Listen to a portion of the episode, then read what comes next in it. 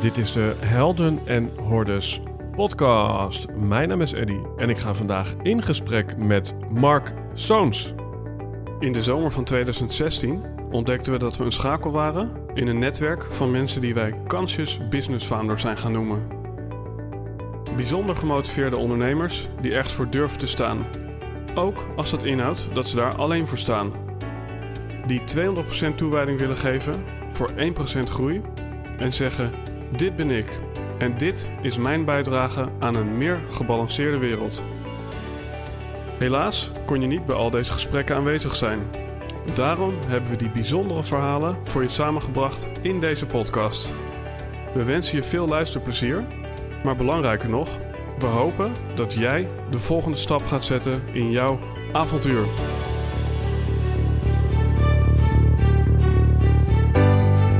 Alright, ladies and gentlemen.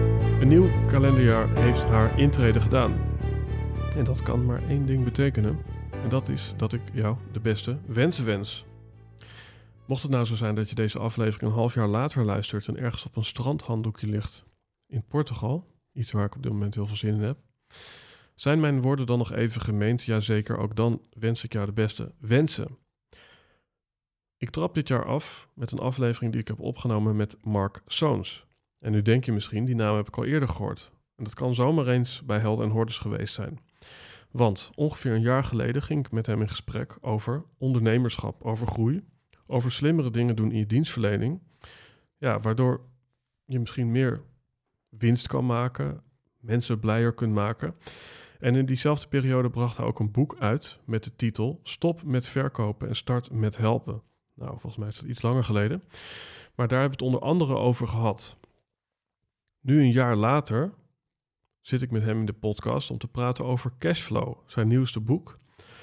En daarmee over hoe je slimmere dingen kunt doen met geld. Want ik weet niet of je er ooit op die manier over na hebt gedacht, maar je kunt geld verdienen door je diensten zo goed mogelijk te verlenen. En daarmee ben je zelf aan het werk. Maar je kunt ook geld verdienen door niet zelf aan het werk te gaan, maar door je geld aan het werk te zetten. Nou, dat klinkt misschien uh, mooi om waar te zijn. Misschien ben je er al mee bezig. Ja, of zet je je geld niet op de juiste manier aan het werk, waardoor het nog niet zoveel oplevert. En ja, daar hebben we het onder andere over gehad. En uh, ja, als je dat nou niet doet, dan zou het zomaar kunnen dat jij moet werken voor je geld. In plaats van dat je geld voor jou werkt. Of dat je zelfs verlies maakt op je vermogen. Omdat je bepaalde belastingen betaalt. Of omdat er een recessie is.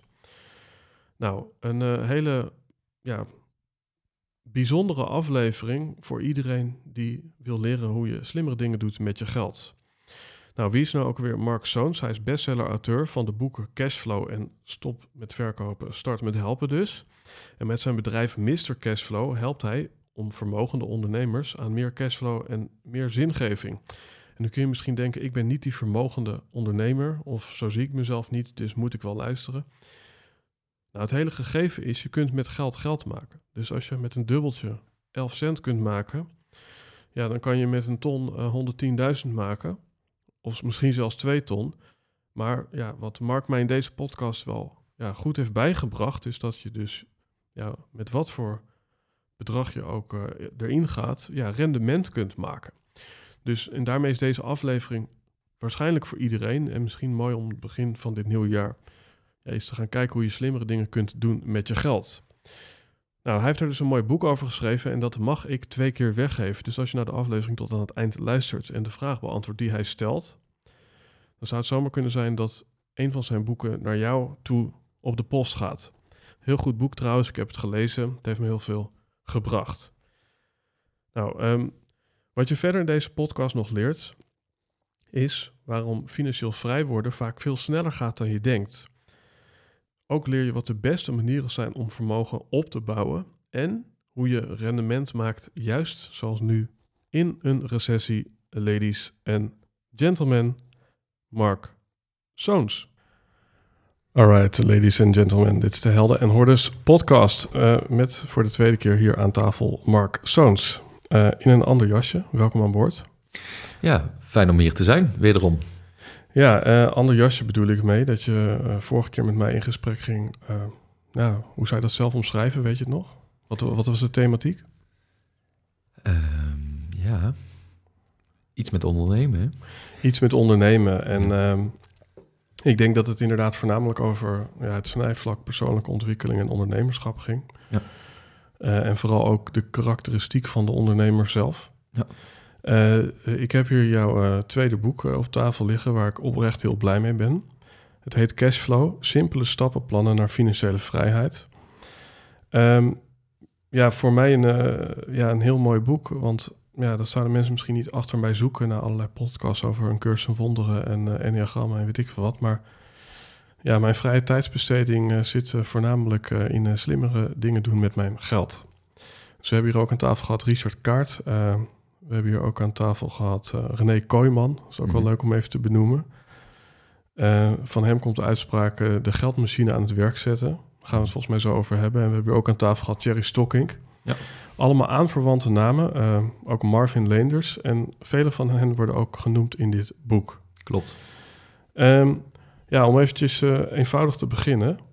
Er staat hier simpele stappenplannen naar financiële vrijheid. Wat is, ja, misschien een moeilijke vraag, I don't know. Wat is de misvatting eh, ja, die veel ondernemers hebben als het gaat om eh, ja, het, het ja, bereiken van financiële vrijheid? Eh, de grootste misvatting is dat ze denken dat het heel ingewikkeld is en dat ze er nog heel lang op moeten wachten.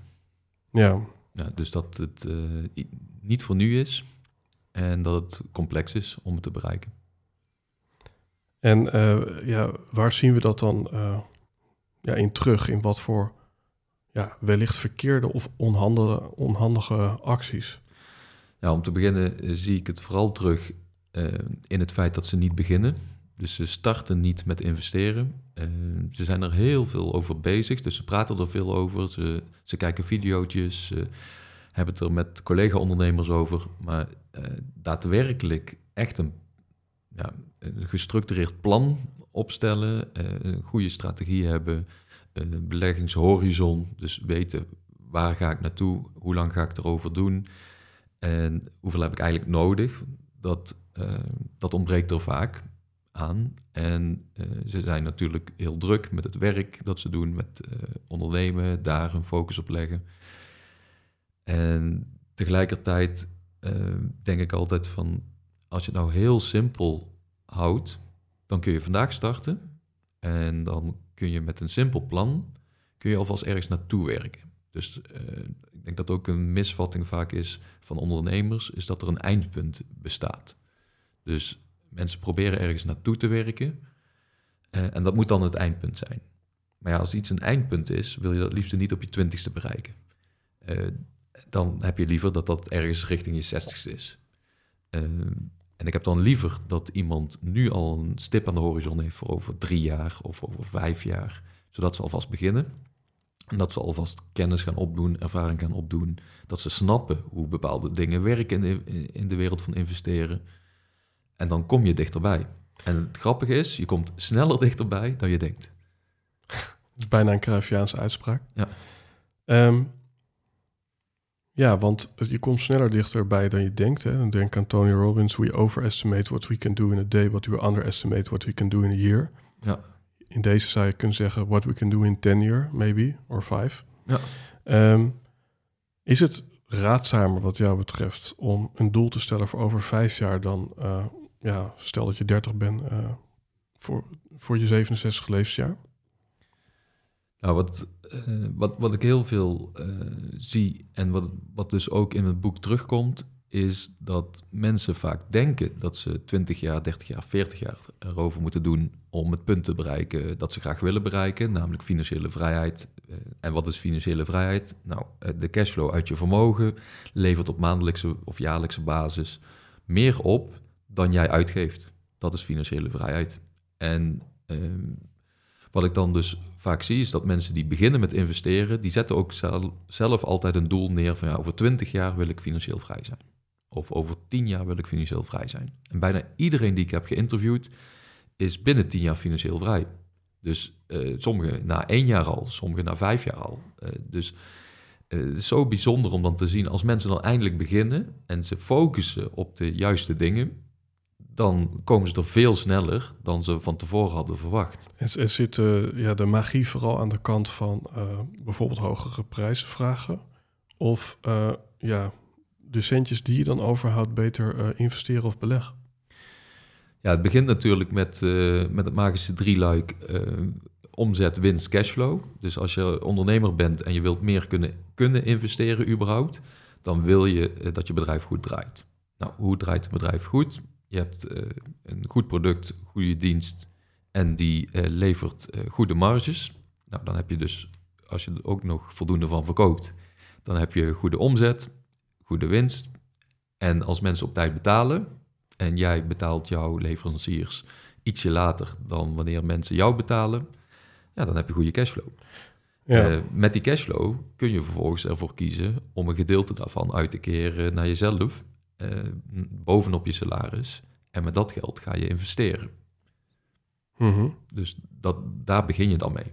En die investeringen, ja, ik heb al het liefste dat mensen geld investeren in iets wat eh, cashflow oplevert, zodat je eerder op het punt komt en, eh, ja, van die financiële vrijheid. En dat je ook het makkelijker meetbaar maakt voor je waar je nou naartoe aan het werken bent. Want als jij weet, mijn getal is 4000 euro, dus ik heb 4000 euro netto per maand nodig om mijn vaste lasten te kunnen betalen, om mijn vakanties, mijn kleding, mijn etentjes, alles daarvan te kunnen betalen. En jij hebt eh, een jaar geïnvesteerd en die investeringen hebben jou 10.000 euro op jaarbasis opgeleverd. Nou, dan heb je ongeveer 800 euro per maand cashflow. Nou, dan weet je, oké, als ik dit dus nog vijf jaar doe in hetzelfde tempo, nou, dan ben ik er. Dan heb ik het bereikt. En dat is zo concreet en tastbaar, in plaats van dat mensen eh, weet- een heel vermogen in, in één asset, bijvoorbeeld crypto, gaan steken. En dan komt een bear market en ze, bij, ze zijn vier jaar aan het wachten totdat ze überhaupt weer eh, ja, maar in de betekent, plus komen. betekent hoe zou je de definitie van winst eh, ja, wegzetten ten aanzien van de definitie van cashflow? Want ik kan me voorstellen dat, hè, dat had ik zelf ook aan het begin, dat je die twee begrippen misschien een beetje met elkaar verward. Ja, eh, en- en heel begrijpelijk. Want er zijn zo, twee soorten cashflow. Je hebt cashflow in je bedrijf en je hebt cashflow uit je investeringen. Dus eerst heb je je onderneming, je bedrijf. Daar eh, is cashflow niks meer dan het geld dat maandelijks op je rekening eh, staat. Dus eh, beter gezegd, er komt geld op je rekening. Dan gaat er geld van je rekening af, namelijk je uitgaven je salaris, de belastingen, dat soort dingen. Inkoop, huur, eh, personeel. En alles wat overblijft, dat is eigenlijk je netto cashflow van, van die maand. Mhm. Ehm, dat bedrag moet natuurlijk positief zijn om te beginnen. En het liefst zo hoog mogelijk. Want dat, is, eh, ja, dat zorgt ervoor dat je buffers kunt opvangen. eh, dat je geld aan jezelf kunt uitkeren. Ja, dus dat, dat zorgt voor eh, stroming. En daarom heet het ook cashflow. Het geld stroomt eh, en kan alle goede kanten uitstromen. Als je dat hebt bereikt, nou, dan kun je gaan investeren met die cashflow die overblijft. Eh, los van buffers die je wilt opbouwen natuurlijk. Ik, ik zeg altijd, als je een bedrijf hebt, wil je minimaal voor drie maanden een, een buffer hebben. En alles wat daarboven komt, dat ga je gebruiken om te investeren. Nou, als je dat doet, dan eh, kun je in verschillende dingen gaan investeren. En als die investeringen jou eh, rendement opleveren, dan noemen we dat de cashflow uit je investeringen. Dus twee soorten cashflow. Mhm. Ja. Mooi, ja. Ja. Even een gek rekenvoorbeeld eh, die ik laatst ja, met iemand besprak. Ik heb een beetje van mijn ouders geleerd van... nou, als je het hebt, dan kan je beter een auto in één keer kopen. Mhm. Want eh, ja, als je hem gaat leasen, dan eh, betaal je x procent meer voor die auto. Klopt. Het klonk heel logisch, Ja. totdat iemand zei... Ja, maar wat nou als je die auto wel gaat leasen? Als je het geld hebt om hem in één keer te kopen... maar dat geld wat je hebt, dat zet je bijvoorbeeld eh, twee jaar op een ETF... daar krijg je bijvoorbeeld 12% rente op. Ja. Terwijl je, je lease is 3% rente... en dan heb je eigenlijk 9% winst. Klopt. Ben je het daarmee eens? Of, of is het heel risicovol? Nee, ik ben het er eh, in, in zoverre mee eens. Ik heb er altijd een beetje een stelregel bij. Eh, ja, koop nooit een asset die je niet zelf minstens twee keer kunt betalen. Ik heb hem ooit in een post gezet. Als je het niet vijf keer kunt betalen, moet je het ook niet één keer kopen. Maar uh, we kunnen hem iets nuanceren in een podcast. En als jij twee keer het vermogen hebt voor je huis, kun je best wel een huis lenen, zeg maar, bij de bank.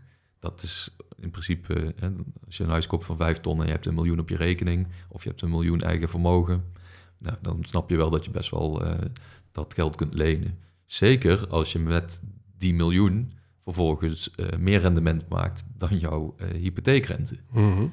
uh, hetzelfde geldt voor een leasen van een auto. Als je een auto leest, dat geld heb je voor die auto. Dus je kunt altijd ervoor kiezen om die auto af te lossen.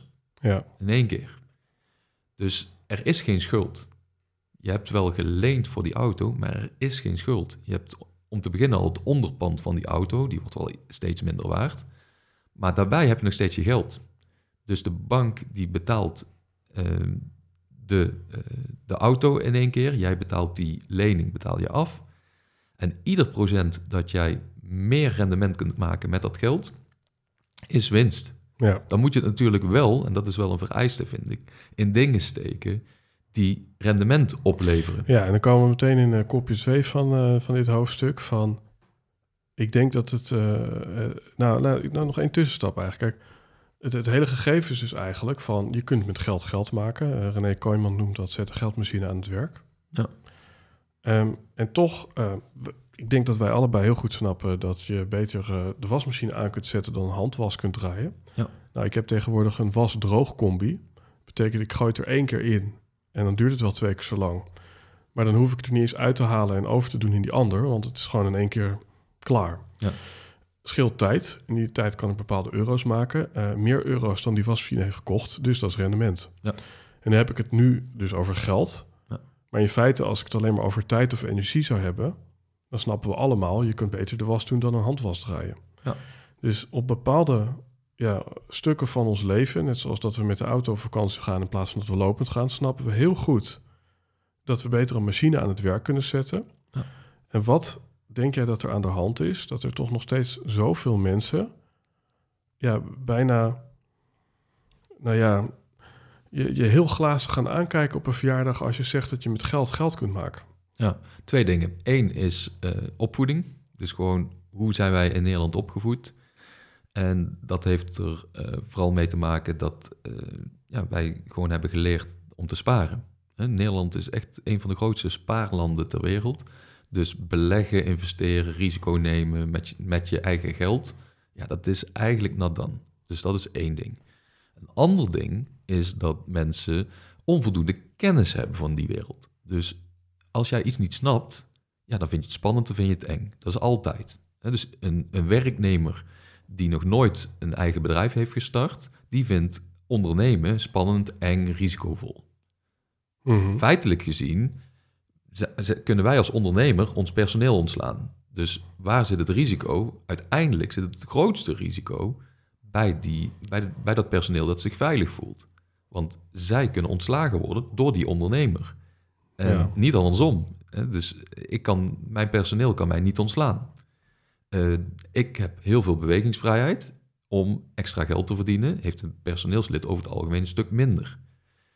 Alleen omdat zij die kennis niet hebben en ook dat een beetje spannend vinden, ja, gaat eh, heel veel eh, werkend Nederland gaat niet een eigen bedrijf starten. Want dat vinden ze heel ingewikkeld, eh, vinden ze spannend. En dat heeft ook met een gebrek Ja. aan ervaring en een gebrek aan kennis eh, te maken. Nou, als we die parallel doortrekken eh, naar investeren, dan zie je dus als iemand. eh, neem, neem nou mijn broertje, die, vindt, die heeft zijn hele leven lang gespaard. En dat doet hij nou nog steeds. Die heeft één keer 100 euro bitcoin gekocht. En vervolgens heeft hij het voor eh, 89 euro verkocht. Want toen daalde het 11%. En ja, hij vond het allemaal maar spannend en Mhm. eh, hij snapte er niks van. Eh, en hij zegt, ja, crypto, dat is helemaal niks. Ik, ik snap er helemaal niks van. Ehm, hetzelfde geldt voor aandelen. Vinden ze allemaal riskant en risicovol. En zelfs al, als ik ze uitleg dat Ja, ja, ETF's de afgelopen eh 50 jaar gemiddeld eh, 8 pro- 8,6% rendement hebben gemaakt. Zelfs dan denken ze, ja, maar dan, ja, wat dan als ik net dat ene slechte jaar heb? Ja, dan moet je het erin laten zitten en dan eh, wacht je tot er weer betere jaren komen. Ja, maar dan kan ik er niet bij. Ja, je kunt er altijd bij, maar je haalt dan gewoon een gedeelte eruit. Dus overal is een antwoord voor, maar feit blijft, als iemand de onvoldoende kennis heeft, vindt hij het gewoon spannender. Ja, Het grappige is, als mensen een dag bij mij hebben gezeten, dan hebben ze die kennis wel, dan hebben ze de nuance wel, hebben ze de risico's gezien, hebben ze de rendementen gezien en dan durven ze het in één keer wel. nou ja, kijk, ik ga geen namen noemen, maar ik heb iemand in mijn netwerk die, eh, die vroeg ik van, hey, kun je even een klus voor me doen? Je mag kiezen, eh, dat is gewoon een kleine opdracht. Mhm. Eh, een beetje, nou ja, liefdewerk aan papier kan je het ook noemen, maar ik zei, wat wil je? 250 euro aan zilver. Ehm, nou, geef me dan maar gewoon 250 euro. Dan loop ik liever even de juwelier bi- binnen en dan koop ik een paar mooie oorbellen. Zilveren, liefst. Nou ja, ja, kijk, dan zou je het nog kunnen omsmelten inderdaad. Maar Ja. ja, ik dacht dan van, dan heb je het echt niet begrepen. Want Mhm. over tien jaar is die, die zilverprijs, die stijgt harder dan de goudprijs. Ja. En die stijgt al. Dus ja, ik snap daar gewoon he- letterlijk helemaal niets van. Nee, maar die persoon zegt letterlijk, geef mij maar geld, want dat snap ik. Ja, Ik verlies liever 20% aan inflatie. maar wat, wat gebeurt er dan wat jou betreft op het moment dat ik er zelfs nog bij vermeld... dat die munt al tien jaar stijgt of al 50 jaar stijgt... en dat iemand dan alsnog zegt, nou laat maar. Omdat er niks is eh, veranderd in zijn eh, beleving. Dus zijn kennis eh, is niet veranderd. Zijn overtuiging, wat hij gelooft over geld, wat hij gelooft over investeren, wat hij gelooft over eh, zilver in het algemeen en zilveren munten in het bijzonder, is niet veranderd op dat moment. Jij hebt hem een anekdote gedeeld. En eh, ja, ik, la- ik las van de week iets eh, over. eh, je hebt zoiets als eh, informatie. En je hebt zoiets als kennis. En dan heb je ook nog iets als eh, gouden nuggets die mensen opslaan. En dat zijn drie verschillende luikjes in ons brein die informatie hebben de hele dag door. En de, ja, die nemen we gewoon op en eh 99% vergeten we weer. Dan hebben we kennis of inzichten, hoe je het wilt noemen. Ja, daar, willen we iets van opslaan en daar willen we vaak nog iets mee doen. En dan hebben we die golden nuggets die zeldzaam zijn. Eh, dat ene inzicht uit dat boek of eh, dat, die ene zin die die mentor ooit vert- eh, vertelde tegen me. Eh, en daar wil, die, die blijf je voor de rest van je leven onthouden. Die heeft je geloofsovertuigingen veranderd. En daar ga je echt, iets- echt iets mee doen. Dus zolang jij geen golden nugget aan iemand geeft, Ja. ja, is er niks veranderd. In, in dit En blijft hij gewoon eh, hetzelfde geloven. een zilveren nugget in dit geval. Een zilveren nugget, ja. ja. Ehm, waar we naartoe bewogen in dit gesprek. Hè, we, we kunnen dus constateren, oké, een wasmachine zetten we eerder aan dan een geldmachine. Tenminste, de meeste van ons. Ehm, maar goed, dan kan je ook nog eh, nou, in het kader van wasmachines een hele slechte wasmachine aanzetten. Ja. eh, waar misschien je, eh, je beddengoed van kapot gaat. Hm. Of een hele goede. En dan hebben we het natuurlijk over het beleggen in de juiste asset. Ja. En dan kunnen we kijken naar bijvoorbeeld edelmetalen, vastgoed. Wat staat er nog meer in je boek? Crypto. Noem er nog eens een paar. Ja, aandelen, ETF's. je kunt peer-to-peer lending doen. Dus eh, jij leent je geld uit aan iemand anders die er iets eh, slimmers mee kan doen. En die geeft jou rente eh, daarvoor terug. Je kunt affiliate marketing doen. Dus Mhm. dat is al wat meer richting het ondernemerschap. Mhm. Maar affiliate marketing wil niks meer zeggen dan iemand vraagt aan jou: hey, waar heb je die mooie trui gekocht? En jij stuurt een linkje door. En als iemand die trui koopt, Mhm. dan krijg jij een percentage als dank voor het aanbrengen. En volgens mij zelfs eh, voor de luisteraar, dit boek staat ook zometeen in de show note met een affiliate link. Dus eh, Hey, Eh. pak je moment. Hè, dus die is helemaal tof. En dan hebben we ook nog zoiets als community building. Ik vind dat iets wat heel erg onderschat wordt. Maar memberships of, of mensen willen echt ergens bij horen. En als jij gewoon een professionalisme hebt of een hobby of een passie... en jij wil gewoon een clubje mensen verzamelen... die eh, daar meer over wil weten of hun kennis wil delen of hun ervaringen wil delen... Eh, stel je le- leest graag boeken en je zegt tegen tien mensen: hey, ik eh, start een boekclub. En dat kost 100 euro per maand. En Mhm. iedere maand krijg jij mijn notities van een boek. Toevallig heb ik zo'n product, heel toevallig. Ehm, en dat hoeft maar heel kleinschalig te zijn. Maar ja, als jij eh, zeg maar 50 man hebt die daar een ja op zeggen, of 10, 20, Mhm. Dan heb je dus eh, zeg maar 10 keer eh, die, die 100 euro, is 1000 euro per maand. Heb je 12.000 euro per jaar. Alleen maar om een briefje te Dus schrijven en een boek te lezen. Ja, maar het is eigenlijk hetzelfde verhaal. Hè? We vinden het vaak veiliger om één iemand te coachen... Ja. dan om tien mensen te coachen via een webinar... of via een papieren nieuwsbrief of wat dan ook. Ja. Wat, wat is daar de verklaring van volgens jou? Ja, een stukje zekerheid, denk ik. Eh, Terwijl statistisch gezien eh, ja, is, is het de kans groter dat er een aantal ambassadeurs opstaan als je 10 of 100 mensen begeleidt, dan als je er maar één begeleidt. ja, het is ook vele malen makkelijker om eh, extra klanten te krijgen als 12 mensen enthousiast over je zijn in plaats van eentje. Ja, Dus op zich, ons logische brein, ons mensbrein, ja, die, die kan wel eh, goed praten waarom je eigenlijk groepen zou moeten doen of memberships. ja het is misschien een kleine soort van eh, taalvaardig eh, verschil, maar het is bijna het verschil tussen begrijpen en bevatten. Ja. Als je snapt wat ik bedoel. Ja. Van, ik denk dat ik nog wel begrijp dat je inderdaad met zilver na tien jaar... Maar kun je ook echt bevatten wat daar gebeurt? Ja. Of kun je ook echt bevatten... Nou ja, dan hebben we het over passief inkomen. Mhm. Ehm, staat ook in jouw boek. Ja. En passief inkomen, dat betekent niet dat je nooit meer iets hoeft te doen. Nee. Right? Nee, passief inkomen bestaat niet. Nee. Dus passief inkomen bestaat niet. Want er zijn nog steeds dingen die je moet doen. Ja. Maar je moet waarschijnlijk, als ik het even ja, zelf definieer, minder moeite doen om een bepaald rendement te halen. Ja, passiever inkomen bestaat ja, wel. Ja, ja. Ja. Welke dingen doe je nog wel als je passief inkomen eh, probeert te genereren? Ja, een heleboel dingen. Maar de belangrijkste zijn dat je blijft monitoren hoe eh, je investeringen gaan. Eh, je blijft ook monitoren hoe die projecten of, of, of fondsen of wat dan ook, hoe die gaan. Of, er, of ze slecht in het nieuws komen, of mensen nog tevreden zijn, of dat er eh, op social media rode vlaggen omhoog komen.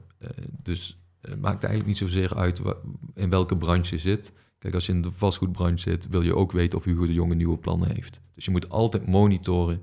Ja, wat, wat gaat de wet en regelgeving doen? Wat zijn de ontwikkelingen in die branche eh, of, of in die asset class? Ehm, dus je wil altijd monitoren. Vervolgens wil je zelf evalueren. Dus is mijn portfolio gegroeid? Eh, betekent dat dat ik misschien eh, mijn percentage in, in die speciale beleggingsgroep is die te groot geworden? Moet ik die gaan verkleinen? Eh, bijvoorbeeld, de afgelopen vier jaar is eh, vastgoed enorm in waarde gestegen. Eh, crypto bijvoorbeeld eh, voor veel mensen ook. Als jij dan eh, zeg maar 50% van jouw eh, portfolio in crypto en vastgoed had zitten, ja, dan, eh, en je hebt dan nog allerlei andere dingen bij, dan kan het zomaar zijn dat het aandeel naar 80% is geschoten. En dat is misschien best wel veel. Dus dan kun je beter een gedeelte daarvan verkopen en dat in andere dingen stoppen, zodat jij eh, nog steeds een verdeling hebt van 25, 25, 25. Ja, Of de oorspronkelijke verdeling zoals je hem gepland had. Dus dat soort dingen, monitoren van je eh, balans, de, eh, de percentages in je portfolio, maar ook de monitoren van waar zit ik in, loopt het nog allemaal goed. En ik zeg altijd, blijf op zoek gaan naar dingen.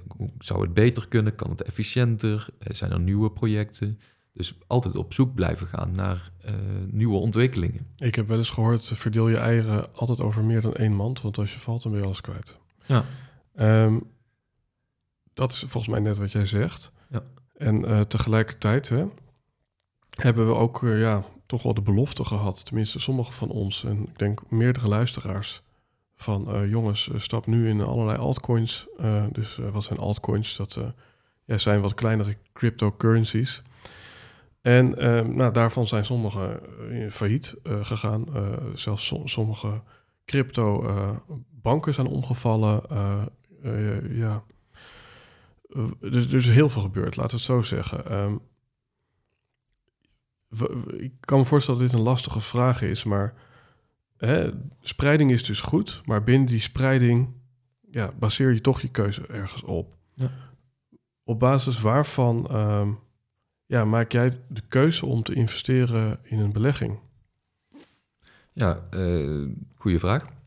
Kijk, ik kijk altijd naar de, naar de persoon die gaat investeren. Dus ik wil altijd... eh, kijk, als, als ik over mezelf praat, hoe maak ik keuzes over investeringen? Ik eh, doe mijn huiswerk van tevoren heel goed. Eh, ik ga kijken wat zijn de risico's, wat zijn de rendementen. Eh, ik praat hier nu snel overheen, maar de risico's zijn een van de belangrijkste dingen om goed in kaart te brengen voor jezelf.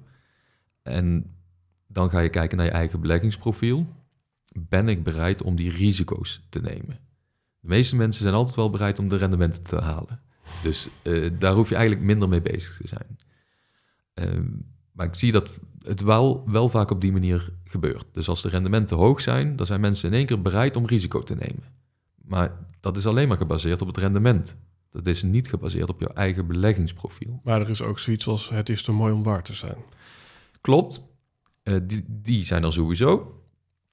Maar voordat je daar überhaupt op uitkomt, eh, moet je bij jezelf ook te raden gaan. Ben ik bereid om risico's te nemen? En, en de risico's die horen bij dit, eh, bij dit project of bij deze investering. Kijk, als ik eh, investeer in een, eh, een ETF, dus een, een exchange traded fund, een soort van indexfonds die op de, op de aandelenmarkt dagelijks te koop en te verkopen is. Dus eigenlijk een groepje aandelen. Ja, dat is gewoon een mandje aandelen van een index. Daarom heet het een indexfonds. En een index is bijvoorbeeld de AEX. Dat zijn de 30 eh, best presterende bedrijven van Nederland. Nou, dan heb je de AEX-index. En dan eh, kun je dus eh, in één druk op de knop... kun je een aandeel kopen in die 30 bedrijven tegelijkertijd. Ja, dus dan zit er in dat mandje, zit bij wijze van spreken Apple, maar ook Microsoft en ook nog een andere soortgelijke tech. Ja, maar dan de Nederlandse bedrijven Mhm. inderdaad in de AEX. ja. Maar bij de S&P 500 heb je inderdaad Apple, Microsoft, eh, Mhm. Google, Amazon, eh, Facebook, eh, ga maar door. Dus ehm, als ik zo'n besluit neem, dan kijk ik eerst naar de risico's en dan naar de rendementen. Nou, de rendementen zijn gemiddeld op, op jaarbasis dan tussen de 8 en de 10 procent bij zo'n fonds. De risico's zijn dat je in een crisistijd dat je echt wel 20, 30 procent kunt dalen. Nou, ben ik bereid om te wachten als dat daalt? Ja, ik ben daartoe bereid. Heel veel mensen vinden dat spannend en daardoor moet je jezelf gewoon hele goede vragen stellen. Eh, en wat kritischer naar jezelf zijn dan, ja, dat, dat komt wel goed. Nee, Mhm. je moet daar echt heel kritisch naar jezelf toe zijn. En dan eh, werken fysieke bedragen werken beter dan percentages. Dus als jij zegt, ik stop nu een ton in de AEX, ben ik oké met het feit dat als het komende jaar nog 20% daalt, dat ik dus 20 pro- 20.000 euro minder op, op die account zie staan. Hoe voelt dat voor mij? Word ik daar onrustig van? Of heb ik alle vertrouwen en, en blijf ik bijstorten? Want dat is dan wel een beetje de methodiek die we gaan toepassen. En dat soort vragen stel ik dan ook aan mezelf, maar ook Ja. aan mijn klanten. Van ja, ben je bereid om dat te doen? Hoe voelt dat? Mhm. En dat, daar ga ik best wel diep op in. Want als mensen... eh, mensen zeggen in eerste instantie altijd van... ja, dat is prima. Dat kan ik. Dus ik had bijvoorbeeld een project... ehm, waar ik van wist... nou, het kan vriezen, kan dooien. Dus een, een crypto-project, super mooi. Maar wat jij zegt... hoge rendementen, dus waarschijnlijk te goed om waar te zijn. Nou, dan weet ik... ik kan mijn inleg verliezen. En dat is het maximale risico dat ik loop. Nou, als je daar dan... eh, noem maar een bedrag 50.000 euro insteekt, dan weet je, nou de eerste 10 maanden eh, moet ik meteen al dat geld eruit trekken en daarna dan ja, heb ik eh, die 50.000 euro eruit en daarna is het winst. Maar als dat, bedra- eh, eh, als dat bedrijf nou over een maand omvalt, dan heb je een probleem. Want dan heb je dus één keer een, x, klein bedrag uitgetrokken en dan ben je dus 42.000 euro nat gegaan. Mhm. Ben je bereid om dat risico te nemen voor dat rendement? Ja. En dat is dus een vraag. Heel veel mensen zeggen daar vrij makkelijk ja op. Heb je jezelf, even vraag tussendoor, wel eens uitbetaald in ofwel ETF's ofwel crypto, omdat je een bepaald rende- rendement gemaakt hebt? Jazeker. Ik, wat, wat ik. ehm, Want, want het, het, het lijkt bijna nog moeilijker om jezelf uit te betalen in winst eh, dan, eh, ja... je verlies te nemen. Ja, Ja. ja, verlies nemen is sowieso iets wat maar weinig mensen doen. Eh, en, en, en het typische is, heel vaak denken mensen dat, ehm, dat het heel knap is om je verlies niet te nemen. Maar soms moet je je verlies wel nemen. Dus als je in, in losse cryptomunten zit of in losse aandelen en jij ziet dat, dat het echt niet goed gaat komen, stap eruit. En zo vroeg mogelijk. Het is helemaal niet stoer of, of stoïcijns of heel slim om als jij in losse projecten zit, om daar eh, gewoon dat uit te zingen en daarin te blijven. Want je kunt altijd vroeg uitstappen en vervolgens als hij nog verder daalt, terugkopen. Ja. Ja, dan heb je gewoon meer aandelen voor hetzelfde Ja. geld. Dus het, het is altijd heel onverstandig om dan maar niet uit te stappen ehm, bij verlies. En dat zie je bij, bij de cryptomarkt nu bijvoorbeeld. Er zijn mensen die hoddel roepen. Ja, en die hebben, hadden eventjes niet door dat ze nog vier jaar kunnen gaan wachten. En hodl eh, betekent... eh, hold on for dear life. ja. Ja. Dus eigenlijk verkeerd gespeld hold. Dat is ooit een foutje geweest in, eh, bij Twitter. En dat eh, heeft de hele crypto-community heeft dat overgenomen.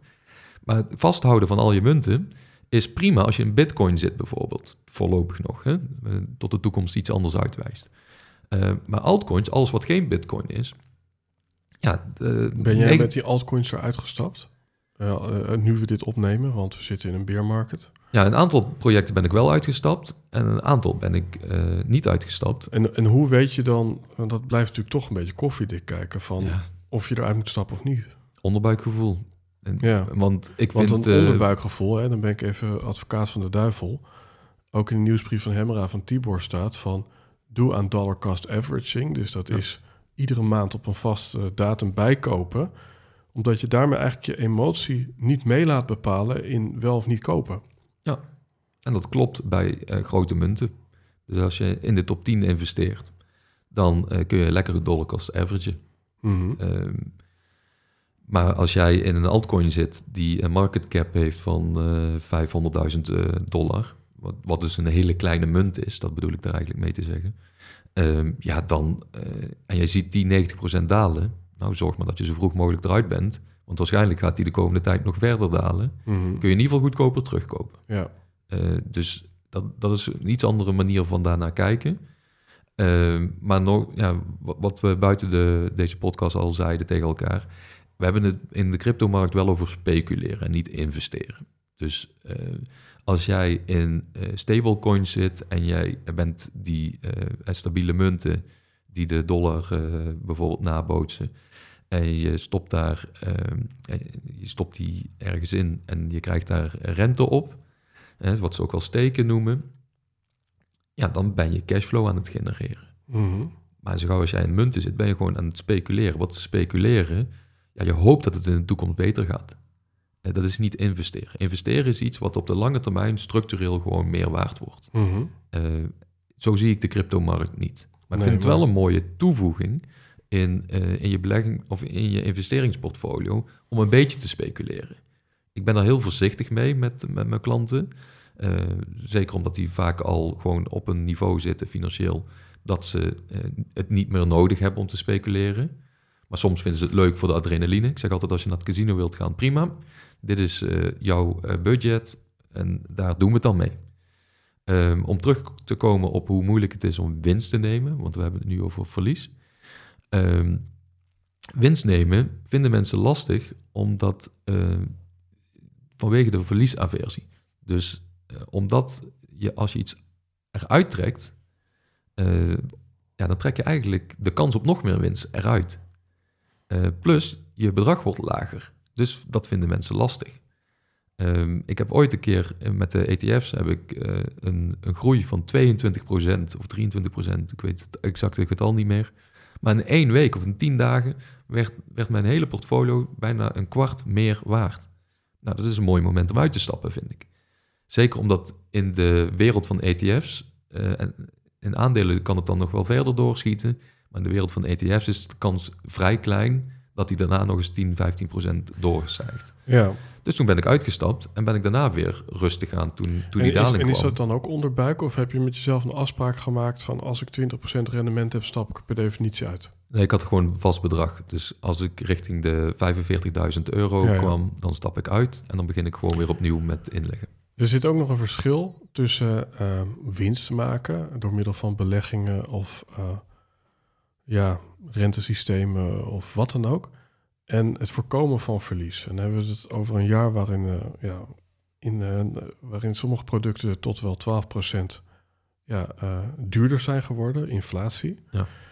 Hè, ik heb bijvoorbeeld zo'n, eh, nog steeds zo'n, wat ook steeds discutabeler wordt als we zien wat er allemaal gebeurt. Maar ik maak 6,1% rente op, op, op een bepaalde uh, dollar variant, een, Mhm. een digitale dollar. Ja. Nou ja, eh, even het rekenvoorbeeld. Als je dus 1000 euro erop zet, dan heb je het eind van het jaar 1061 euro. Maar het gaat ook nog cumulatief. Dus dat houdt in, er zit een soort van exponentie in. Dus het jaar erop is het geen 61 euro, maar het is misschien 63 euro. Ja. En zo krijg je steeds meer. Maar goed, dat is eigenlijk ten aanzien van de inflatie, is het eigenlijk alsnog 6% verlies. Klopt. Dus in hoeverre eh, ja, ehm, is er eigenlijk nog wel sprake? Want ik weet uit een andere podcast dat jouw vader op een gegeven moment ergens eh 12% rente kreeg bij een eh, Duitse bank. Ja. Ehm, in hoeverre is er dus nog wel sprake van winst? Of is het eigenlijk alleen maar voorkomen dat je hele kapitaal ten onder gaat eh, ja, aan eh, het deflationair systeem? Ja, kijk, eh, simpel gezegd, Inflationair. ja, simpel gezegd, als je op het geld op de bank had gezet, dan had je eh 12, 13 procent verlies gehad afgelopen jaar. Eh, dus dit is inderdaad voorkomen van, eh, of beperken van de schade. Eh, maar het is altijd beter dan niets.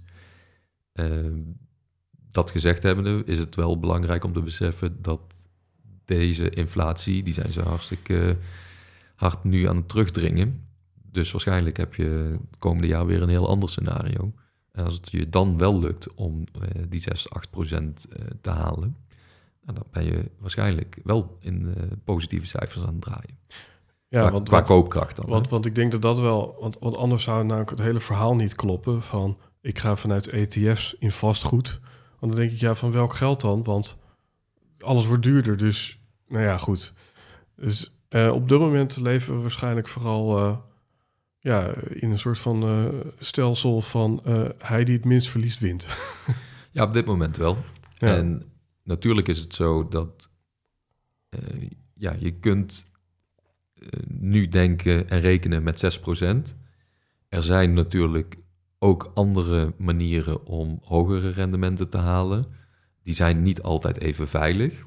Maar zo gauw als jij meer vermogen hebt, en we hadden het al over geld maakt geld. Maar zo gauw als jij boven een miljoen eigen vermogen zit, dan gaan er toch echt deurtjes open die meer rendement opleveren, ook in deze tijd, dan die eh 6%. En dan moet je echt denken aan 10 tot soms wel 30% eh op jaarbasis.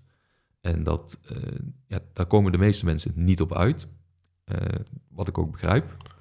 Want eh, dat soort partijen willen gewoon met heel veel geld spelen. En dat doen ze het liefste in- een paar grote brokken ineens. En die Mhm. gaan dan niet allerlei mensen voor eh 100 euro per keer eh, aannemen. Nee. Eh, dus dat, ja, weet dat de rijke mensen echt wel rijker aan het worden zijn op dit moment. Hoe, lang, hoe lang beleg jij al? Sinds 2006. Ja, dus dat is hoeveel Ja. jaar? 16 jaar zo? Ja, 16 jaar. Dat was een vrij snelle calculatie voor iemand die niet kan rekenen. Ja. Het in het voorgesprek over. Ja. Ja. ja, en heb je in die tijd rendement gemaakt? Ja, zeker heb ik rendement gemaakt. Eh, Hè, ik- Dat is misschien een hele vreemde vraag, maar Ja. ik bedoel... Ja, ehm, ik heb zelf ook allerlei mensen eh, geholpen met crypto. Ja, eh, op dit moment sta ik zelf wel in de min. Daar moet ik gewoon eerlijk over zijn. En, en volgens mij niet omdat ik het verkeerd heb gedaan. Ik denk dat ik ook voortschrijdend inzicht heb gehad. Eh, maar dat ik ook zie dat ik zo min mogelijk schade heb geleden. Op, Ja. ge- op een gegeven moment. Dus, maar bij jou is dus wel daadwerkelijk sprake van rendement. ja, wat ik al jaren doe, is kijken naar hoeveel geld heb ik ergens ingestoken en wat is het nu waard? Of met hoeveel geld ben ik begonnen en waar sta ik nu? En wat ik dus zie, is ondanks alle bleeders waar we het eh, buiten deze podcast al over gehad hadden, eh, groei ik dus nog steeds qua vermogen. En dat is dus niet, hé, hey, ik ben meer geld van mijn onderneming erin gaan stoppen en ik draai een verlies op mijn eh, investeringen. Nee, ik doe hele eh, slimme dingen met mijn geld. En daar zitten ook enorme eh bleeders bij. En dat mag je ook gewoon domme dingen Mhm. noemen. Dus ik speculeer graag. Ik hou van risico. Ik vind dat leuk. Eh, dus ik, ja, ik schiet ook wel eens mis. En dan kost me dat serieus geld op dat moment. Als we het even over de psychologie dan hebben. Eh, waar haal jij het geduld en het vertrouwen vandaan? Want hey, af en toe heb je enorme missers eh, eh, meegemaakt. Niet om, omdat je iets fout hebt gedaan, maar omdat ik denk dat de marktomstandigheden ja, op een gegeven moment gewoon enorm bleken tegen te vallen. Eh, misschien heb je ook verkeerde adviezen gekregen. Over het algemeen ja, ben jij in die zin practicing what you preach. En toch zijn er dan momenten op die tijdlijn dat je... Heb je dat wel eens gehad überhaupt? Dat je echt dacht van, ik trek alles eruit en ik scheid er mee uit en ik ga gewoon eh, ja, normaal uurtje, factuurtje coachen en... eh, dit is, me, ja, dit is me niet waard om om half drie s'nachts uh, de, de, de koers te moeten bekijken. Nee, en uh, met één simpele reden, omdat ik het spel gewoon veel te leuk vind. Dus uh, los, van het feit dat het rendement oplevert, los van het feit dat, dat ik er steeds beter in word en dat ik het steeds, dat ik steeds meer dingen ga zien van die wereld. Ik, ik vind het gewoon echt leuk om er mee bezig te zijn. Ik vind het zo tof. Ik leer continu bij. Uh, ja, ik, ik hou ook wel van, van dat het eens een keer misgaat. Uh, een beetje masochistisch misschien. Maar ik, ik vind het ook oké als het af en toe een keer misgaat. Uh, en dat zorgt ervoor dat, dat het spannend blijft, dat het leuk blijft. Maar voor mij zou het heel saai zijn als ik gewoon mijn geld alleen maar zou wegzetten in, in, in een fondje dat mij structureel gewoon 10% per jaar oplevert. En dat is het dan. Aan de ene kant hartstikke fijn. Aan de andere kant heb ik dan niks geleerd. En ik vind juist het spel van, van al die uh, manieren om te kunnen investeren, uh, die mensen die je allemaal tegenkomt, die verhalen, die ervaringen, mm. ik vind dat zo geweldig. En dat zorgt ervoor dat je, dat je blijft spelen. Maar goed, dat heb ik met ondernemerschap eigenlijk ook. Mm -hmm. Dus ik, ik vind ook dat mensen soms het allemaal te serieus en te zwaar zien. Uh, en daardoor wordt het ingewikkelder. Daardoor gaan ze ook in paniek raken. En daardoor gaan ze vaak geld verliezen. Mm -hmm. Terwijl, ja, ik, ik raak echt wel eens een keer in paniek. En ik denk af en toe ook echt wel eens van... oeh, dat was niet zo handig. En dat kost me dan ook flink wat geld. Maar aan de andere kant, 80%, 90% van de beslissingen die ik neem... die zorgen wel voor dat rendement op, op het einde van, uh, van de vergelijking. Ja. En dus als ik iedere, aan het einde van de maand kijk van wat is er nou werkelijk gebeurd? hey, daar staat 30.000 euro op FTX vast, wat ik uh, ja, gewoon in crypto had gestoken en uh, dacht dat het daar veilig was. Um, ja, dat kost je dan 30.000 euro. Als ik dan zie dat aan de andere kant weer iets 50%, 50.000 euro rendement heeft opgeleverd, nou, ja. ben je dus nog in die maand waarin je aan het balen was, 20% geplust. Ja. En dat, uh, dat spel, dat blijf ik interessant vinden. En af en toe ben ik ook echt wel verbaasd hoor. Dat ik denk van, oké, okay, dit was niet zo'n goede maand. En dan, uh, en het is ook niet iedere maand positief. Ik ben begin van dit jaar, de eerste zes maanden, was het alleen maar uh, neer, neergaan. Mm -hmm. En nu zit ik eigenlijk weer hoger dan vorig jaar december. Wat ik, maar jij doet niet aan wat ze dan noemen daytrading, een soort dagelijks uh, speculeren. Nou, ik doe dat wel, maar dat is om de skill te leren. Dus ik heb uh, een, uh, zo'n zo daytrader ingehuurd, die, uh, waar ik gewoon iedere week mijn trades mee kan bespreken. is totaal niet om daar mijn beroep van te maken of om daar mensen in te begeleiden of daar winstgevend in te worden. Maar ik, nogmaals, ik hou van dat spel. En ik wil graag naast de macro en de, en de middellange economie, vond ik het ook wel interessant om eens een keer op uurbasis of dagbasis te kijken van hoe zit die emotie nou in elkaar? Want de markt is niks meer dan allerlei mensen met heftige emoties. De een die is hebberig, de ander, is bang. Ja, zijn het emoties? Want er zijn natuurlijk ook een heleboel uh, ro robots en uh, ja, uh, wat ze dan noemen celorders klaar. Ja, algoritmes zitten er natuurlijk ja. ook bij. maar ja, ik vind dat gewoon heel interessant. Hmm. Het is namelijk vaak is het voorspelbaar irrationeel. En dat vind ik, uh, vind ik altijd leuk om te zien. Wat, wat maakt, en dat is misschien even een hele specialistische vraag hoor, voor mensen die er net induiken, maar ja. wat maakt dat, dat er überhaupt nog een soort van menselijke capaciteit komt kijken bij beleggen, laat staan bij dingen als crypto, als er dus ook robotprogramma's bestaan die ja, op de juiste momenten kopen en verkopen. Want dan zou je toch alles zo'n robotprogramma kunnen laten zijn. En dat is dus het leuke, want nog steeds is het zo dat de markt is niks meer dan een, uh, ja, manisch-depressieve of een, eh, ja, een, een hele emotionele verzameling van, van mensen. En hoeveel bots er nu ook mogen zijn, eh, zij kunnen dus bepaalde emoties van mensen niet voorzien of sturen.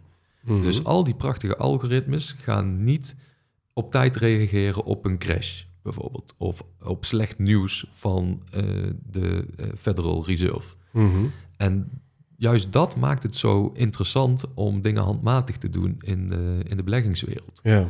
Want ja, kijk, als, als je alleen al kijkt naar eh, goed of slecht nieuws, dat kun je dus niet programmeren in een bot. Nee. En dat, dat is dus waarom de meeste algoritmes en de meeste forex-bots en crypto-bots afgelopen jaar niet winstgevend waren. Ben je, als je het zo bekijkt, door de jaren heen meer gaan leren over geld of over de menselijke psyche? Ja, hele mooie vraag. Ehm, beide, maar vooral over de menselijke psyche. En dat maakt het spel zo interessant. En je eigen psyche ook? Ja, ook. Ja? Ik ben eh, veel geduldiger geworden. Dus ik heb echt moeten leren om geduldiger te zijn als investeerder. Mhm. Ik was altijd te vroeg met kopen, te vroeg met verkopen. En, en mijn vrouw, hè, vrouwen doen het over het algemeen een stuk beter.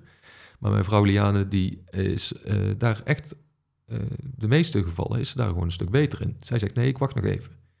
En dat wachten levert altijd geld op. Dus eh, dat heb ik echt moeten leren. En dat is ook mooi om dat te zien. Dus je eigen emoties wat beter eh, beheersen. Want jij en je vrouw die hebben allebei deze uit de hand gelopen hobby, noem ik het maar. Ja, ik iets meer dan mijn vrouw, maar eh Liane vindt het ook gewoon leuk, ja. Mhm. Ze, ze vindt het hartstikke fijn om eh, de koers een beetje in de gaten te houden. Ze zit ook in, in, in crypto, ze zit in, eh, in ETF's. En ze vindt het leuk om, om er ja, ook wat beter te begrijpen wat ik doe. Mhm. maar gewoon om ermee bezig te zijn. En ze vindt het machtig interessant dat er dus een wereld is die passiever eh, geld oplevert dan eh, ja, eh, om negen uur in te klokken bij je baas. Ja, Dus, maar ik denk dat voor de meeste mensen wel geldt. Ook als ik naar mijn eigen, ja, dat noemen ze dan lesgeld kijk. Ehm, ik heb er nu, ja... Hè, ik bedoel, al- als ik alle uren had gecoacht die ik nu heb gestoken in het leren van beleggen en met name crypto... Ja, dan had ik nu waarschijnlijk ja, een paar ton op de bank gehad. Ja. En als ik dan nu was eh, gestart met crypto en dan in één keer jou had ingeschakeld... Ja, dan, eh, dan was het waarschijnlijk eh, veel rendabeler geweest. Dus Ja. er zitten ook, denk ik, heel wat ja, uurtjes onder zeeniveau bij. Ja. En daar komt denk ik toch een soort, ja, ik noem het maar een soort naïviteit bij kijken... die je nodig hebt om ook door zo'n beermarket heen te kijken... of door ja, de fouten die je maakt heen te vertrouwen, zeg maar. Ja, en dat heeft vooral te maken met dat je uitzoomt. Dus ik werk over het algemeen ook niet met mensen die korte termijnvisie hebben. Dus als iemand zegt, ik wil volgend jaar financieel vrij zijn, of ik wil, ehm, of eh, ik ben bang over voor wat er de komende drie jaar gaat gebeuren. Ja, dat zijn meestal al signalen dat mensen niet die lange termijnvisie hebben. Mhm. En de, juist die lange termijnvisie zorgt ervoor dat je al die klappen kunt opvangen. ja, Dus daar, eh, ja, daar, ben ik dan wel een groot fan van. En natuurlijk zijn er mensen die al een grote zak met geld hebben. Ja, die kun, kunnen wij echt wel eh, op hele korte termijn helpen met hele goede rendementen. Maar oh, ja, weet je, de markt is best wel onrustig. En de kansen voor mensen die nu, ja, zeg maar, niet miljonair zijn, die zijn gewoon echt een stuk kleiner eh, dan een jaar geleden, dan twee jaar geleden. Dus daar moet je ook wel realistisch in zijn. En moet je dus ook kijken naar, oké, nu dus nog niet, Mhm. maar eh, ik ga nu wel alvast beginnen om het over drie, vijf, tien jaar, om daar wel te komen. Je hebt wel eens in een podcast gezegd dat als je een euro in bitcoin steekt en de eh, ja, handelskosten zijn 40 cent, ja, dan zou ik het alsnog doen. Ja. Ehm, ja, is het zo dat als je echt een hele kleine speler bent, dat het dan ja, bijna de moeite niet is door inderdaad dit soort kostenposten en toestanden? Ja, we hadden het net al over kostenposten, maar die eh, moeten natuurlijk zo laag mogelijk zijn. Dus als er een manier is om van die 40 cent 20 te maken, doe het dan. Maar vervolgens wil je eh, ja, ook in die markt zitten om het te ervaren. En dat is niet zozeer om met dat kleine beetje geld eh, meer geld te maken. Het gaat mij er dan vooral om dat je het principe begrijpt en waarschijnlijk dan durft om, Ja. om er grotere bedragen in te steken.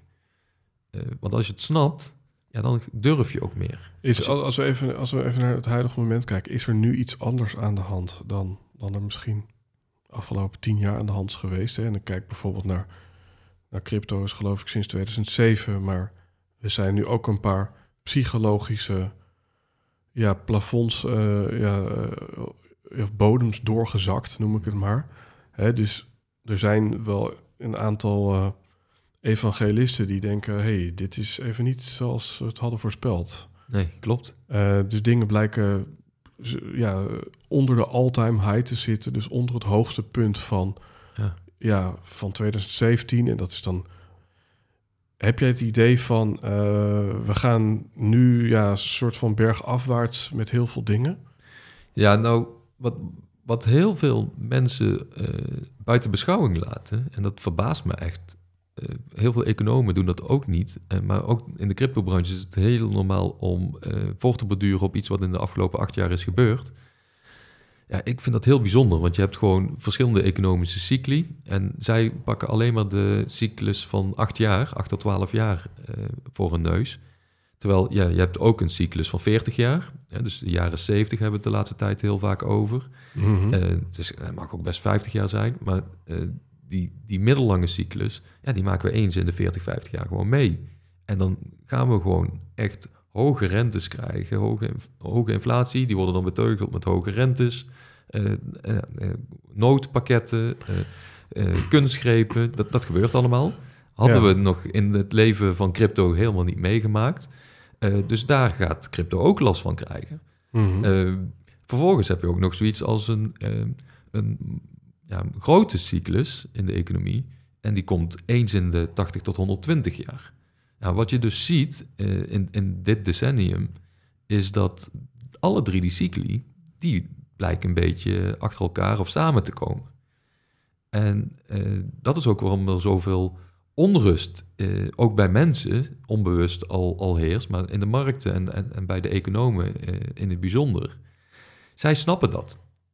En maar zij het weten, betekent, dus, het betekent dus ook dat als jij nu inderdaad uitzoomt, misschien wel tot 120 jaar, eh, en jij blijft gewoon netjes iedere maand je goud kopen of je bitcoin of wat dan ook.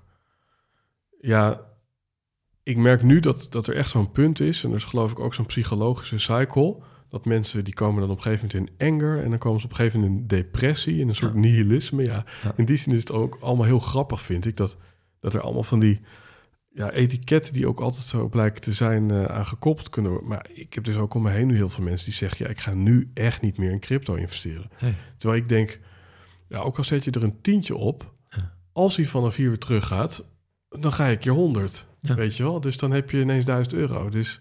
Ja. Maar goed, ja. En dat is dus mooi, eh, want dat, ja, je- het gaat altijd om wat je gelooft. Hè? Dus als jij gelooft dat hij weer teruggaat naar de eh, vorige all-time high, ja, dan zou je daar met, met liefde 100 euro in gooien. Maar als jij denkt dat hij nog lager kan, en sommige mensen in de, in de markt denken dat hij nog lager kan, ja, dan, dan wacht je even. Dus het antwoord is, niemand weet het, Mhm. maar macro-economisch zie je dat, eh, en, en dan moeten we crypto even buiten beschouwing laten, omdat ja, daar is geen macro-economie, want Mhm. het bestaat pas tien jaar. Maar macro-economisch zie je gewoon als je over 100 jaar kijkt, dat alles stijgt. Ja, En dat heeft gewoon met inflatie te maken natuurlijk. Maar eh, alles stijgt uiteindelijk in waarde weer. Dus vastgoed stijgt in waarde, bedrijven worden meer waard. Eh, ja, dus uiteindelijk hoef je daar helemaal niet zo'n zorgen om te maken. Je moet alleen even beseffen dat je wel oud genoeg moet worden. Dus als je nou 70 bent, zou ik niet in crypto gaan, eh, gaan stappen. nee. Maar als jij eh, onder de 50 bent en jij eh, gelooft in, in de blockchain, ja, nou dan kun je best wel daar een paar tientjes tegenaan gooien. Even een, eh, ja, een, een vreemde wolf in schaapskleren, de digitale euro. Ja. Ehm, nou, daar, daarmee wordt gezegd dat er inzichtelijk gemaakt kan worden ja, wat je uitgavenpatroon is. En Ja. misschien ook wel van, hey, je hebt drie keer deze week vlees gekocht, dus nu mag je niet meer. Ik noem maar wat, hè. Ja. Uh, hoe dat allemaal tot uiting gaat komen, dat weten we niet. Maar de meerderheid van de banken schijnt voor te zijn. Ja. Uh, in ieder geval in de UK, geloof ik nu. Um, denk je dat ja, zo'n digitale uh, ja, valuta ja, een soort van dreiging is voor onder andere crypto en misschien wel überhaupt voor onze privé beleggingen? Of, of ben je daar niet zo bang voor? Nou, ik denk dat de komende jaren zullen uitwijzen wat gaat winnen. Uh, dus ik denk dat er een soort van strijd komt tussen het oude fiat-systeem, de nieuwe central bank digital currencies, de CBDC's, en crypto. Mm -hmm. uh, en dat er misschien wel een periode komt, net zoals toen de gulden omging naar de euro, dat er gewoon een, een tijdje met ja, naast elkaar wordt, uh, wordt gewerkt met die uh, verschillende systemen. En dat er uiteindelijk wel één of misschien twee winnaars boven komen drijven. Wat ik. Maar de gulden werd wel beduidend minder waard toen de euro kwam. Klopt.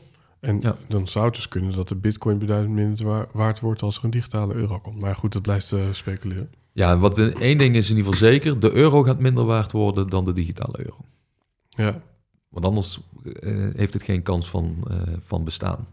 Mhm. Dus daar gaan centrale banken echt wel voor zorgen dat uh, de central bank digital currency, dat die meer waard gaat worden dan de euro. Nou, dat betekent automatisch dat je fiat geld minder waard wordt. -hmm. dus mensen die cash hebben, mensen die heel veel geld op een gewone rekening hebben en verzet blijven plegen tegen een digitale euro, ja, die zien gewoon hyperinflatie. Ja. komen. Ja. Ik, ik, verwacht wel dat, dat dat gaat gebeuren.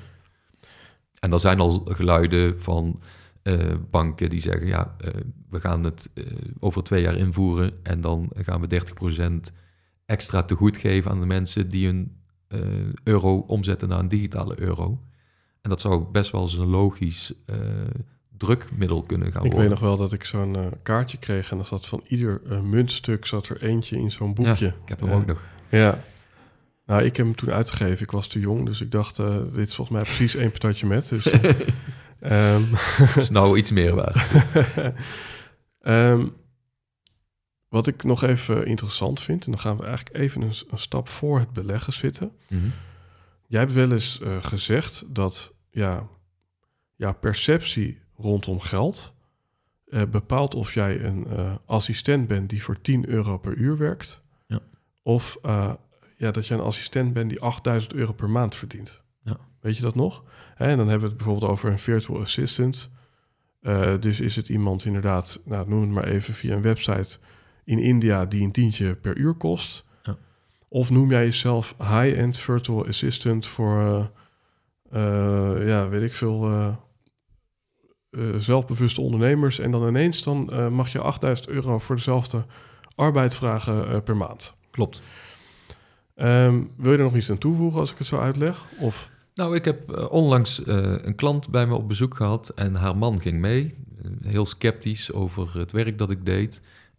En ik hielp haar met haar investeringen. En hij um, was freelancer. En zijn grootste bottleneck had niks met investeren te maken. Hij, hij investeerde op zijn eigen manier, helemaal prima.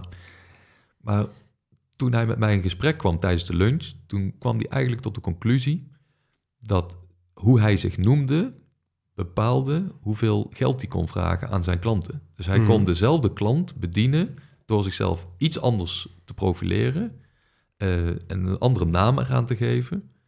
En eh, dan kon hij, eh, vi- ja, wij kwamen tot de conclusie volgens mij dat hij tot wel vier keer zoveel kon vragen aan diezelfde klant. Dus ja, helemaal blij natuurlijk. En, en de investering in mij dubbel en dwars waard. Maar dat is iets wat heel veel mensen zich dus niet eh, eh, beseffen. Ik had, ik had onlangs iemand eh, als klant en die noemde zichzelf fysiotherapeut. En als fysiotherapeut verdiende die eh 45 euro per uur om mensen pijnvrij te maken. En uiteindelijk hebben we gekozen voor een methodiek. En dat was niet een uurtje factuurtje methodiek. Nee, dat was een 12 weken eh, programma. En dat kostte 3000 euro. Nou, ik ga dat terugrekenen naar 12 behandelingen. is iets meer dan 45 euro per, per behandeling. Mhm. Ehm, en dat verkoopt hij nu als warme broodjes. Ja, Waarom is dat? Omdat hij zichzelf geen fysiotherapeut noemt. ja. ja En- want, want, want dit, dit vind ik namelijk precies inderdaad het interessante. Eh, waar ik dit fragment van jou eh, hoorde, toen zat het, ja, was de conclusie ongeveer van, ja, hoe je over geld denkt eh, bepaalt in grote mate hoe, hoe, hoeveel je verdient. Klopt. Ehm, ik beluisterde hem, en zo leg je hem nu ook iets meer uit, als hoe jij je positioneert bepaalt in grote mate wat je verdient. Ja, maar Dus- het is beide.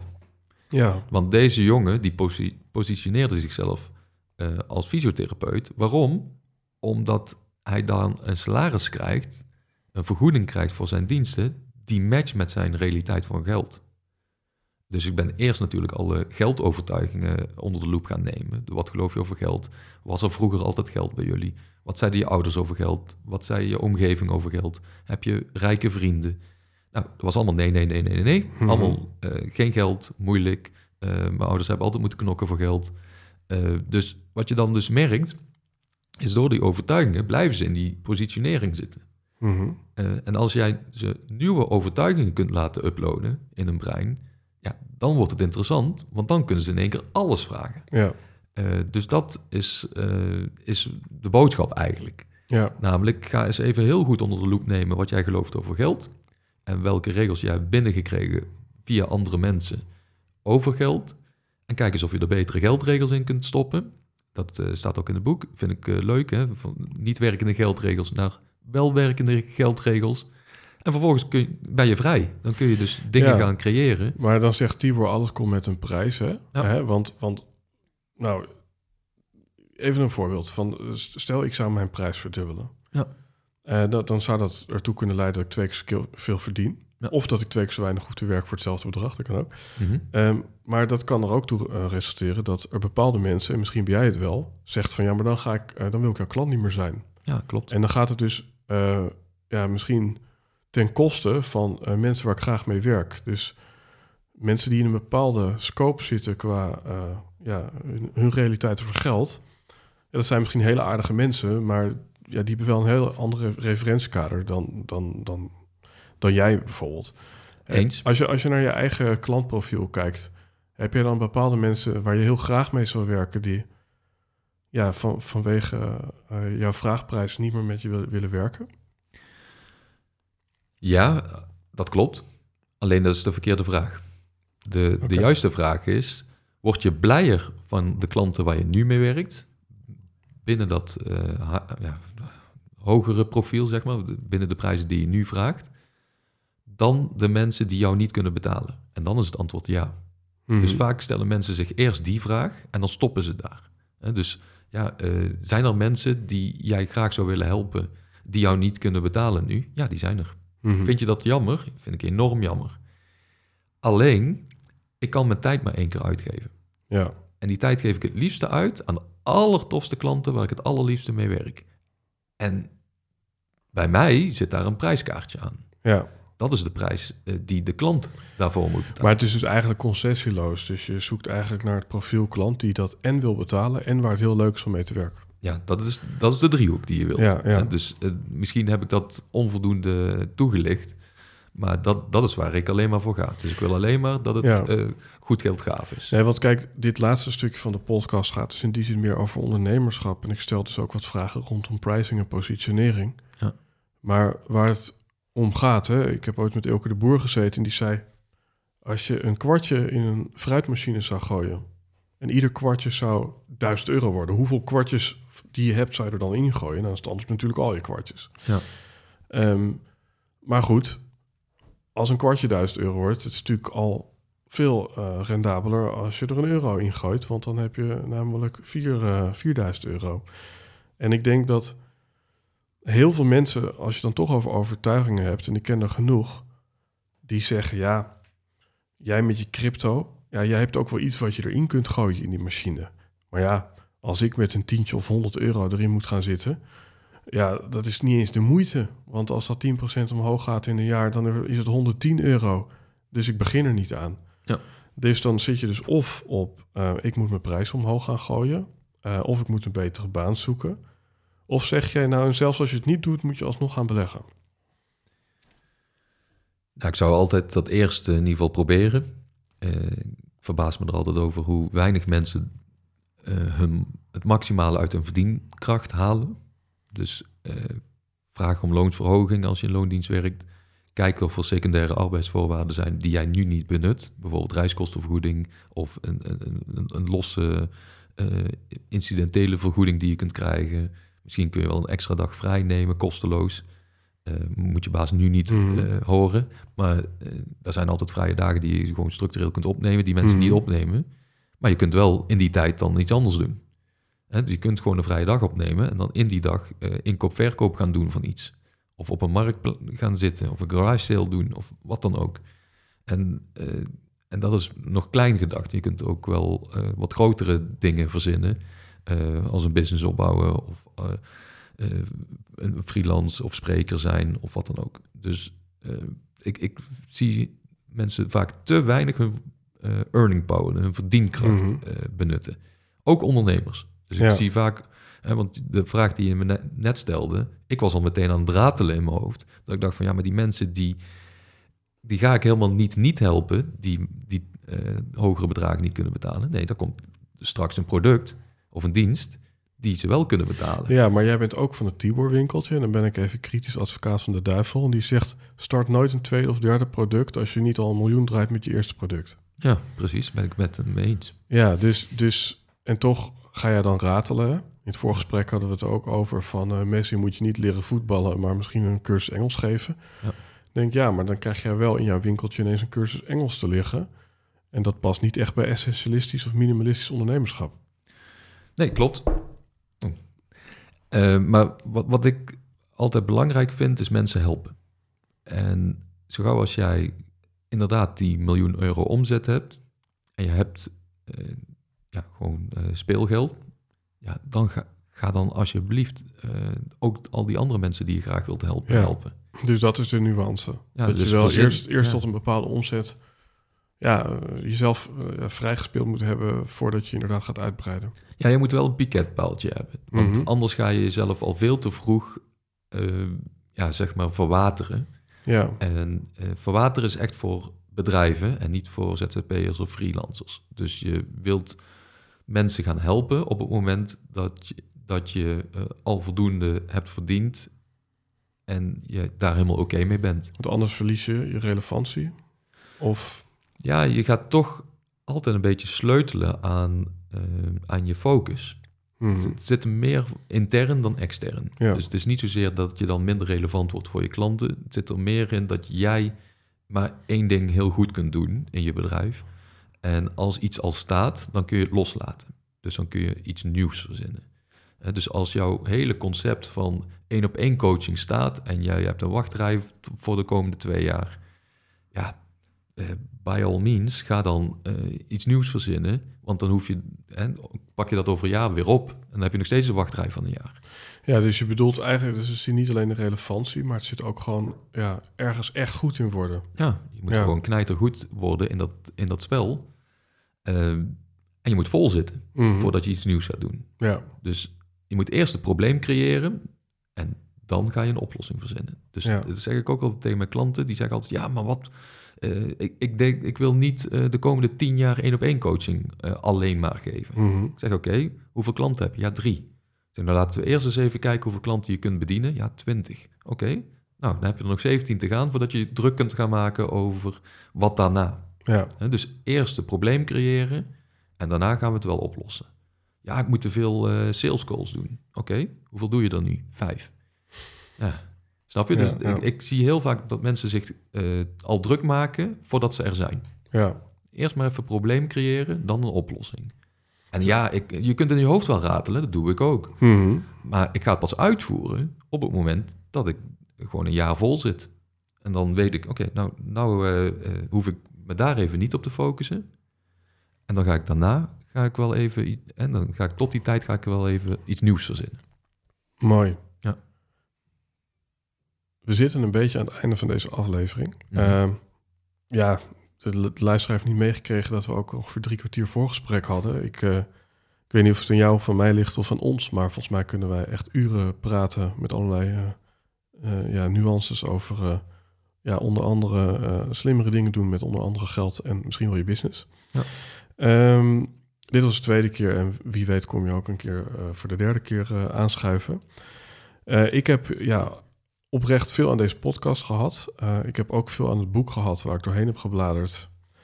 Ehm, en ik kan me zo heel goed voorstellen dat ook de luisteraar heel veel aan het boek heeft. En daarom hebben we twee eh, boeken ja, die we in de comments eh, ja, weggeven. Ja. Is er misschien een vraag of een, ja, een motivatie die je de luisteraar of kijker wil vragen achter te laten, eh, waarna eh, we dit boek eh, ja, kunnen versturen naar deze persoon? Ja, ik vind het altijd wel leuk om te weten ehm, wat nou je grootste inzicht was uit deze podcast. En daar gaan wij even één of twee favorieten uitkiezen.